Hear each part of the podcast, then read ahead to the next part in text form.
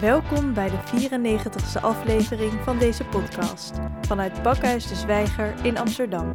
Mijn naam is Aniek van Rinsem en vandaag spreek ik met dokter Kauthar Darmoni. Zij is gepromoveerd op genderstudies en directeur van Atria, het kennisinstituut voor emancipatie en vrouwengeschiedenis in Nederland.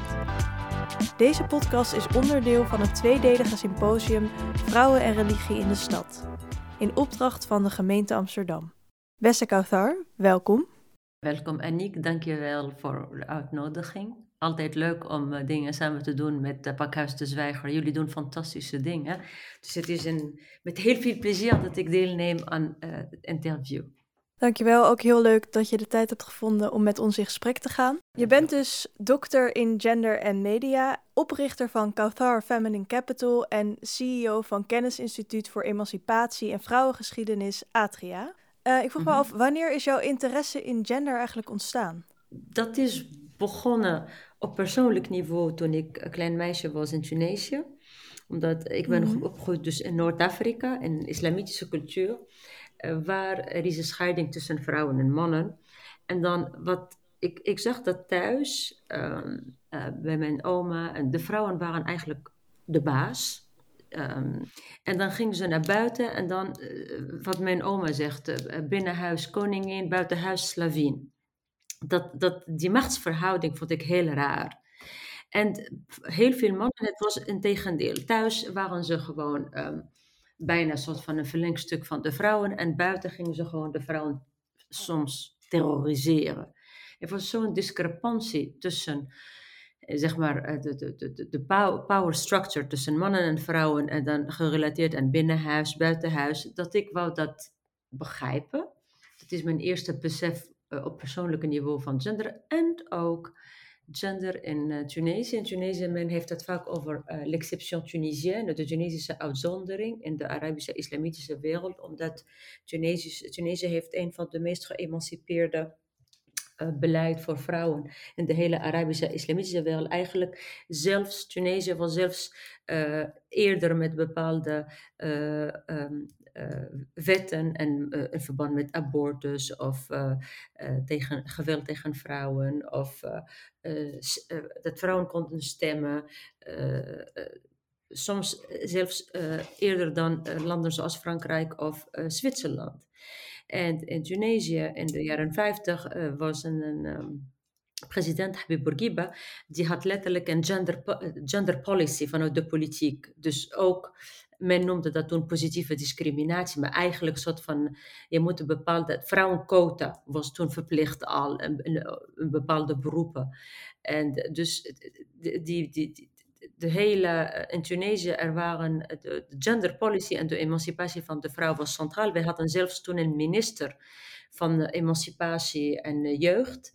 Dus die, die gender in Tunesië was ook bijna een soort van um, een, een deel van de nationale identiteit. Je bent dus opgegroeid in een. Als meisje besefte jij of dat er dus hele sterke genderrollen waren en je groeit dus ook nog op in een tijd waarin er in Tunesië opeens gender ook hoog op de agenda stond. En ja, en toen heb ik, uh, dat heeft ook gemaakt dat ik ook wou later uh, gender studeren. Uh, en dat was ook mijn meisjedroom om naar de Sorbonne te gaan in Parijs en te studeren. En toen heb ik, ben ik begonnen met echt gender en heb ik me gespecialiseerd in gender en media.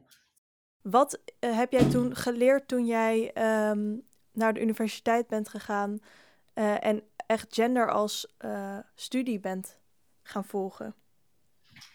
Eigenlijk voordat ik naar de universiteit, het was meer toen ik naar Europa ging, omdat eerlijk gezegd, ik dacht Europa is een soort van de mekka van de emancipatie, omdat ja, in Europa, ik bedoel, hebben ze, dacht ik, oké, okay, de democratie, uh, welvaart, uh, mensenrechten, uh, goede onderwijssysteem. Dus ik dacht dat het gewoon, dat gender equality was niet een issue. En wat, wat, wat ik ontdekte heb, maar ook uh, straks, ik heb ook in, verschillende landen uh, gewoond en gewerkt. In Nederland is mijn vijfde land.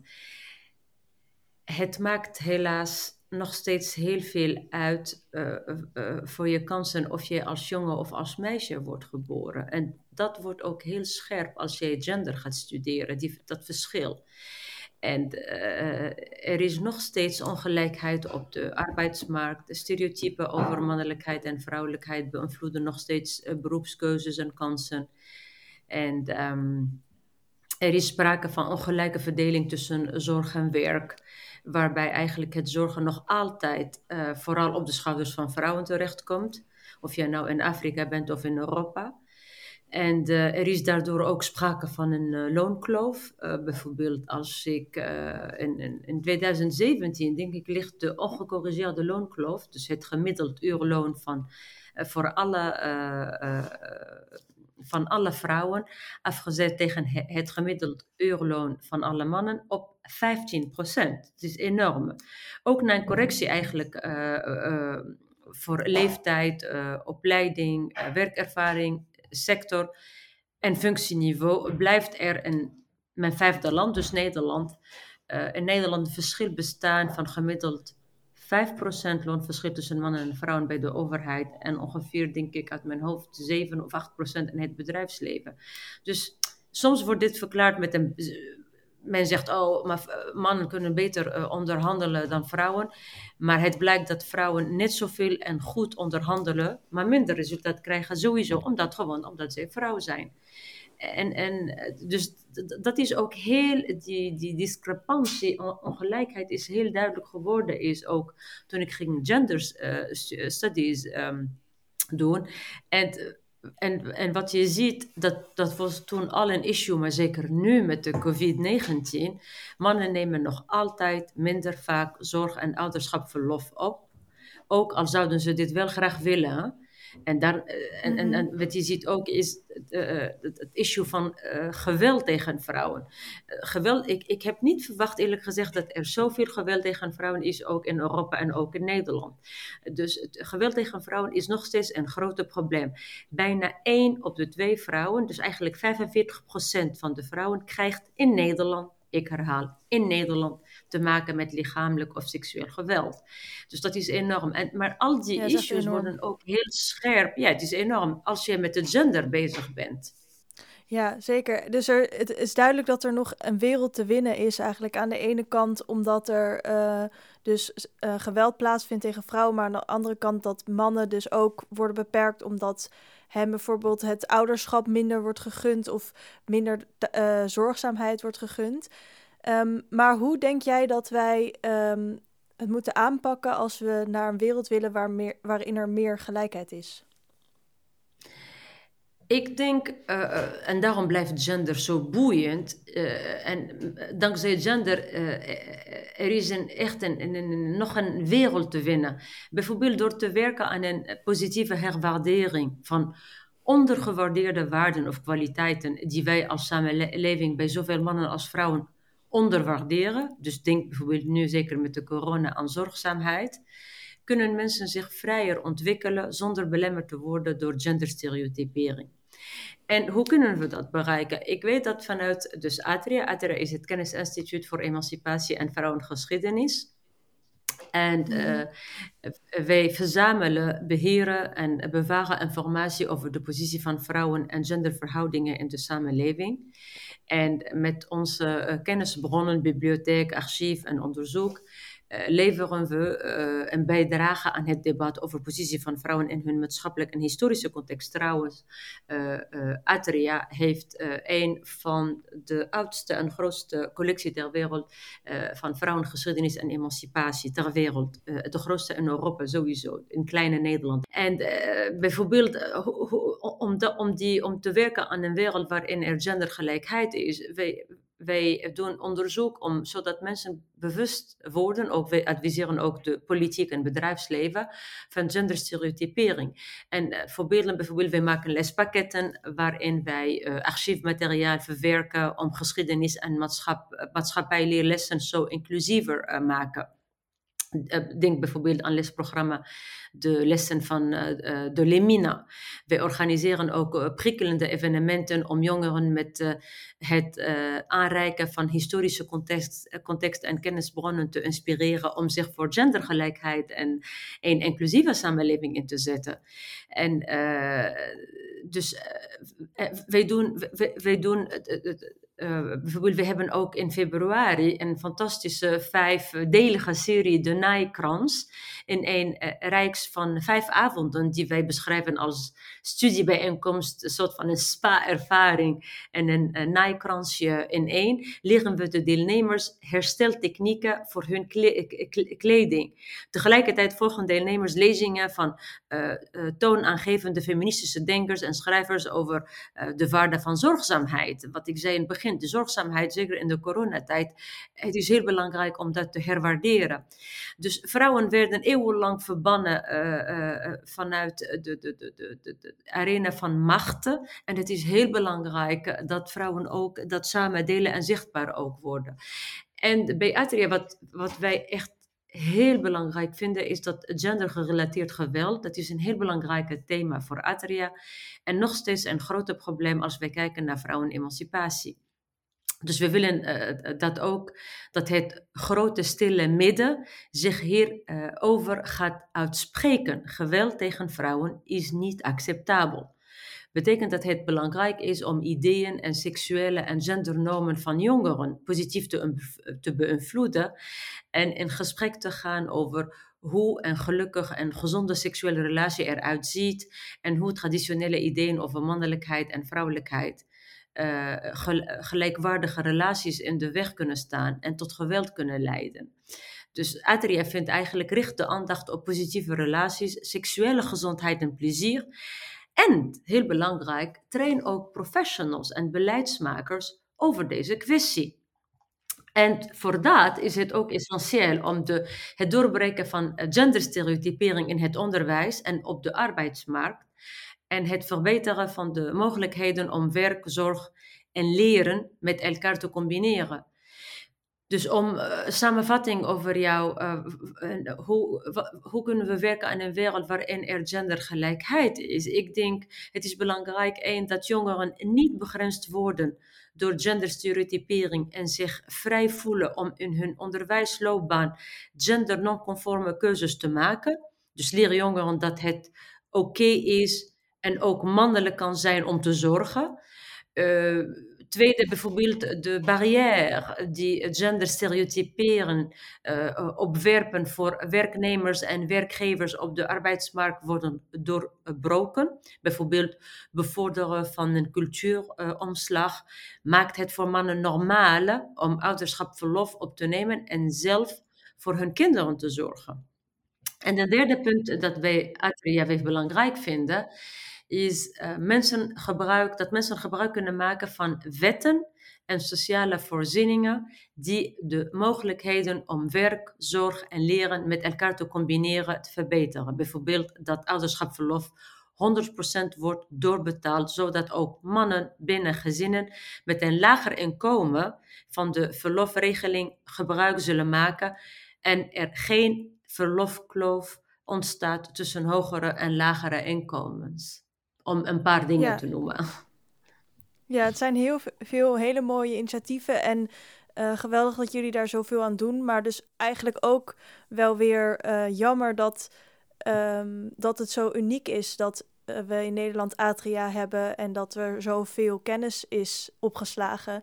En eigenlijk zou dat veel meer in andere landen ook mogen, wat mij betreft. Ja, en, en, en, wij, mogen, en, en wij mogen wel trots zijn, Anieke. We mogen wel trots zijn in Nederland dat we een instituut hebben zoals Atria, die ook de gendergelijkheid en emancipatie hoog op de agenda en ook allerlei initiatieven neemt om, om ook onze overheid te adviseren voor wetgeving en ook voor, voor gender policy. Dat is best bijzonder en we willen graag dat Atria eigenlijk niet een uitzondering blijft, maar een, eigenlijk een mainstream wordt.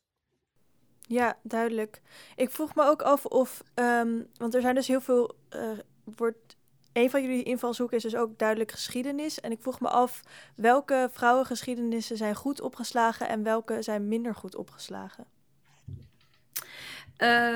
wat, als jij kijkt, toen ik directeur bij, bij Atria begonnen ben, een van de opdrachten was wat men noemt intersectionality. Dus eigenlijk, omdat tot nu toe feminisme in het algemene is vaak gedomineerd wat men noemt, ik hou niet zozeer van over kleur praten, omdat ik vind de kleur, huidskleur vind ik het meest oppervlakkige dat je kan over praten als je over mensen praat. Maar oké, okay, mhm. Dus eh, over dat, eh, het is meestal wit, hoogopgeleid, um, archieven van, van, van witte, hoogopgeleide vrouwen. Of het is meestal, je ziet, je ziet niet zoveel vrouwen van andere culturen, van andere etniciteit, van andere religie. En de uh, opdracht, en dat zijn we nu mee bezig, is om uh, die intersectionele uh, benadering. En dat wij, we zijn begonnen, sinds ik directeur bij Atria ben, met wat wij noemen de kleurrijke parels. En we zijn begonnen van, met die, al die kleurrijke parels, met de zwarte parels. Betekent archieven van zwarte vrouwen en migrantenvrouwen. Omdat die zijn, ehm, tot nu toe, hebben, ze, bij, hebben we bij Atria geen aandacht aan besteden. Dus dat is iets dat wij absoluut uh, aan het veranderen zijn. Omdat het belangrijk is, ook zeker met uh, Black Lives Matter, wat je ziet ook, dat, uh, dat wij ook. Atria, zoals ook de, de, de, de nationale. We zijn eigenlijk, we hebben de nationale archief van feminisme en emancipatie in Nederland. En die archief moet ook inclusief zijn naar allerlei vrouwen van allerlei kleuren en, en, en, en religies. Dus dat is een van de. En, um, we, zijn begonnen met ook de, een collectie en we hebben al drie prachtige mooie archief van uh, zwarte parels al binnengehaald. En we willen ook meer uh, uh, vrouwen, migrantenvrouwen, zwarte vrouwen, kleurrijke vrouwen binnen ons archief ook halen. Mooi. Um, over ook intersectionaliteit gesproken. Uh, de gemeente Amsterdam heeft in de nota gendergelijkheid vastgesteld meer te willen doen aan de emancipatie van vrouwen. En de gemeenteraad heeft in mei 2020 een motie aangenomen om ook expliciet aandacht te geven aan de invloed en rol van religie rondom dat vraagstuk. Um, op welke manier denk jij dat religie invloed heeft op gendergelijkheid en emancipatie? Ik denk, er wordt vaak gedacht dat vrouwen worden onderdrukt uit naam van religie. Maar echter uh, is bijvoorbeeld gendergerelateerd geweld en genderdiscriminatie in alle culturen voorkomt.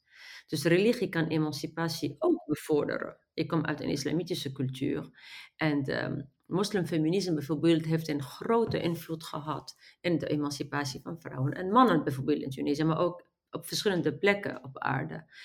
Dus door dit te benadrukken kunnen wij het beeld openbreken dat religie per definitie onderdrukkend is. Dat hoeft niet. En om een voorbeeld te geven, bijvoorbeeld, um, Atria organiseerde in het verleden uh, de F-Labs, eigenlijk een soort exclusieve persconferenties, met islamoloog uh, Emina Wedoud en uh, ook uh, Atas. En Wedoud bevraagt de gedachte dat vrouwen in de ogen van God, uh, en dus in de islam, minder zijn dan mannen. En haar conclusie is dat uit de Koran vooral gelijkwaardigheid tussen man en vrouw spreekt. Dat is ook mijn ervaring. Ik ben een dochter, ik ben een dochter van een imam. Ik ben opgegroeid um, in Tunesië en uh, ik ben bij de nonnen op school. En in de zomer, we hadden, het was te heet, we hadden vier maanden. Dus het was Franse school bij de katholieke. En in de zomer hadden we vier maanden en ik was bij een Koranieke school. Dus ik heb de, de, de, de, de christelijke opvoeding meegekregen, maar ook de islamitische. En je ziet, er is echt, uh, dat hoeft niet. En uh, als ik praat over de islam, dat was voor mij ook merkwaardig. Ik vond in de Koran meer gelijkwaardigheid tussen man en vrouw dan bijvoorbeeld uh, uh, in de Bijbel toen, als klein meisje. Dus religie, dat, hoeft niet onderdrukkend te zijn. En als we nemen ook binnen Atria, uh, waar we hebben ook uitgenodigd Seyran Atesh. En Atesh is oprichter van de liberale Ibn Rushd Goethe moskee in Berlijn. Ze heeft een heldere missie eh, het creëren van een veilige atmosfeer voor een democratische islam waar vrouwen, mannen en ook, vond ik echt bijzonder, eh, leden van de LGBTIQ gemeenschap gezamenlijk kunnen bidden en de Koran kunnen bestuderen. Dat was best revolutionair. Ja, dus er zijn dus ook um, emancipatiebewegingen binnen religies. En dat wordt vaak ten onrechte als een soort van twee tegenpolen gezien. Terwijl er ook dus emancipatiestromingen binnen religies plaatsvinden. Uh, ja, zoals die, dat voorbeeld wat je, wat je net noemde. En denk je dat er ook een bepaalde um, iets is van, van die emancipatiestromingen binnen religies, wat uh, emancipatiestromen buiten religies niet hebben?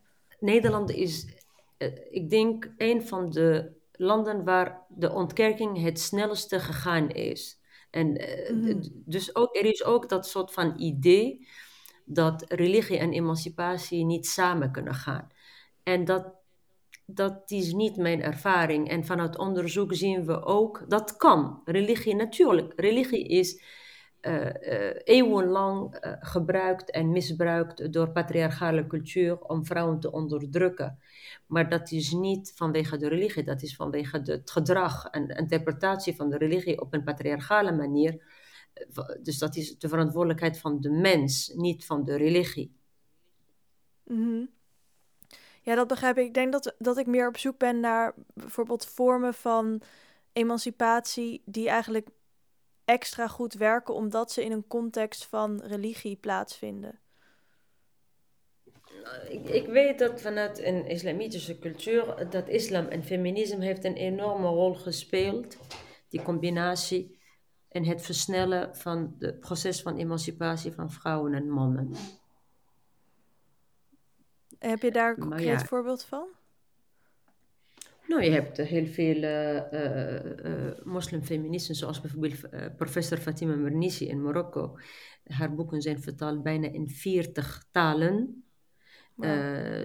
ze heeft echt uitgebreid daarover geschreven en, en, en, en laten zien dat het moment dat vrouwen zelf de teksten pakken en, en, en, met een genderbril en emancipatiebril naar de teksten kijken, dan krijg je een totaal andere interpretatie en die is absoluut niet onderdrukkend voor de vrouwen. Duidelijk. Welke rol speelt religie eigenlijk in jouw eigen leven? Uh, een goede. Eh, religie voor mij persoonlijk is een. Ehm, wat ik zoek bij religie maakt niet uit welke, maar ik ben opgevoed als uh, moslim, dus dat is dichtbij. Maar ik ben geïnteresseerd in allerlei religies, omdat ik denk alle religies hebben uh, iets uh, gezamenlijk en dat is spiritualiteit. We hebben een tekst in, uh, in Sufisme die zegt: Het dien bidon ruhaniya amal shaitan. Religie zonder spiritualiteit is duivelswerk. Omdat uiteindelijk spiritualiteit is overstijgend. En spiritualiteit is eigenlijk, kom je op het niveau van een soort van een humanistische uh, interpretatie of humanistische aanpak van de religie. Dat vind ik persoonlijk heel inspirerend. Ik heb behoefte aan die spirituele um, practice en spirituele ervaring. Het geeft me houvast in mijn leven. Het geeft me. Um, het is voor mij een soort van. Zoals mensen in het Westen, ze doen ze gaan gewoon mediteren. Waarom? Zodat jij tot rust komt in je hoofd, je komt in je hart, je komt in je lijf. Uh, uh, ben je gelukkiger, uh, ben je ontspannender. Dat is voor mij de effect van um, spiritualiteit en religie in mijn leven. Het geeft me een, een, een inner rusten en een relativeringsvermogen, zodat ik ook mijn dagelijks leven zo inspirerend en uh, aangenaam en uh, productief en in het bijzonder plezierig kan beleven. Heel mooi. Je bouwt ook graag bruggen tussen je Afrikaans-Arabische moslimachtergrond en de westerse cultuur. Um, mm -hmm. Op mhm. welke manieren doe je dat? Mm, ik ben opgegroeid in Tunesië als een van de laatste generatie waar je had toen uh, moslims, maar ook een enorme grote Joodse gemeenschap. Een van de oudste in Afrika. Tunesië heeft de oudste synagoge van Afrika, van de, synagoge die, uh, van de 11e eeuw. Uh, dus je had een grote Joodse gemeenschap, uh, christelijk gemeenschap, meestal katholieken vanuit Spanje, Frankrijk, Sicilië en Malta. en die drie gemeenschappen leefden samen in totaal harmonie en er was, er was geen enkel probleem. Dus dat, dat, dat is altijd bij mij een heel mooie. Ik weet dat dat, ja, het wordt vaak gezegd, liefde gaat door de, maag. Mm Is in, in, in, in vrijdag, het was de heilige dag uh, voor de moslims. En zaterdag was voor de Joden en zondag was la mes voor de katholieken. En dan, we hadden een gewoonte dat um, op zaterdag, dus het, ging altijd samen met lekker eten natuurlijk. Je zit in een mediterraanse cultuur waar echt cuisine is essentieel. Dus vrijdag gingen de moslims allerlei lekkere dingen koken. Zoals bijvoorbeeld hier in Europa mensen gaan uitgebreid koken uh, uh, tijdens kerst. Daar gaan ze, bijvoorbeeld de moslims, elke vrijdag gaan ze lekkere dingen koken. En dan brengen ze dat naar de joden en naar de christenen. En dan op zaterdag was het de beurt van de Joden. Die gingen voor Shabbat, gingen ze ook lekkere dingen koken. En dan brachten ze dat aan de moslims en de christenen. En zondag was het de, de, zondag, dus la mes. En na de messe uh, gingen we bij de katholieke buren uh, lunchen. Dus dat, het, het, was, het was continu een feest. Uh, met, met samen bij elkaar komen, samen eten, lachen, dansen, muziek maken. En dat vond ik prachtig. En heb ik ook, dus toen ik naar Europa ging, en om te praten over Nederland, um, ik omarm allerlei culturen en religies, maakt me niet uit. En ik blijf altijd een, zoveel mogelijk met iedereen in gesprek gaan. Om te laten, voor mij er is één lijn, de rode lijn is als er geweld wordt gebruikt. Of fysieke geweld, verbale geweld, psychologische geweld. Op het moment dat geweld wordt gebruikt, dan, dan de brug is gewoon gebroken. Maar in principe, los van dat, ik blijf met iedereen in gesprek. Uh, om te laten zien ook dat de verschillen vaak kleiner zijn dan wij denken.